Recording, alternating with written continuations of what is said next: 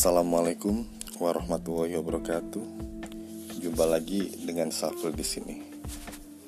Kisah yang ingin saya bagikan hari ini adalah kisah lama dari salah satu mantan mahasiswa saya.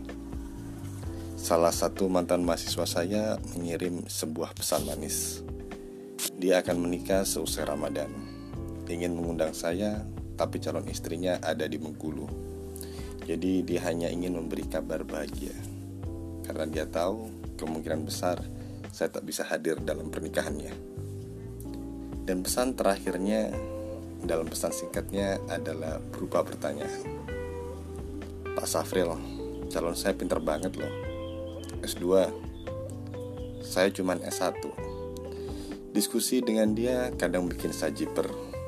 Jawaban saya harus logis untuk logika dia kalau nggak masuk di logika dia, dia bakal terus mempertanyakan jawaban saya. Diskusi dengan dia kadang kayak sidang skripsi, deg-degan terus. Saya kan nggak mungkin seumur hidup sidang skripsi. So, what should I do, Pak? Pertama-tama, ucapkan Alhamdulillah. Karena cewek smart pasti punya alasan kuat untuk memilih calon suaminya. Dan alasan itu pastinya bukan alasan cemen kayak cinta kadang gak butuh jawaban.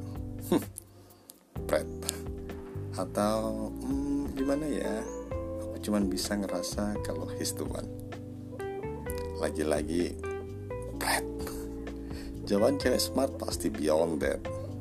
Bisa jadi alasan dari cewek smart ini adalah calon suamiku punya potensi yang luar biasa di bidang kuliner yang kalau dia kembangin dia akan jadi luar biasa. Aku ingin jadi bagian dari proses itu.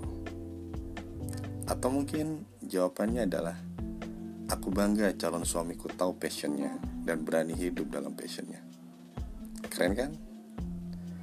Punya istri cerdas itu asyik karena semua ucapan dan tindakan kita bakal terukur. Kita nggak bisa ngawur bikin keputusan. Impulse decision akan semakin minim dia akan memberikan banyak bahan pertimbangan sebelum kita berkeputusan. Dan ada penelitian yang bilang, ya walaupun masih debatable sih, kecerdasan anak tergantung kecerdasan ibunya. Siapa sih cowok yang gak ingin punya anak cerdas? Dan tentu saja dia akan jadi lawan debat yang tangguh, sekaligus teman diskusi yang asyik. Apalagi kalau dia paham agama dia mungkin akan mempertanyakan argumentasi kita saat diskusi atau debat.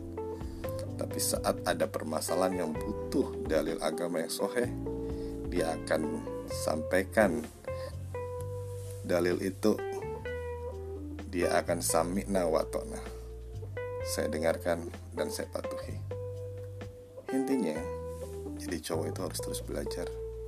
Belajar untuk mengembangkan diri, bukan untuk menyaingi pasangannya biar jadi lawan debat yang tangguh, biar jadi teman diskusi yang asyik, dan tentu saja biar bisa jadi kebanggaan pasangannya. Itu aja sih. Wassalamualaikum warahmatullahi wabarakatuh.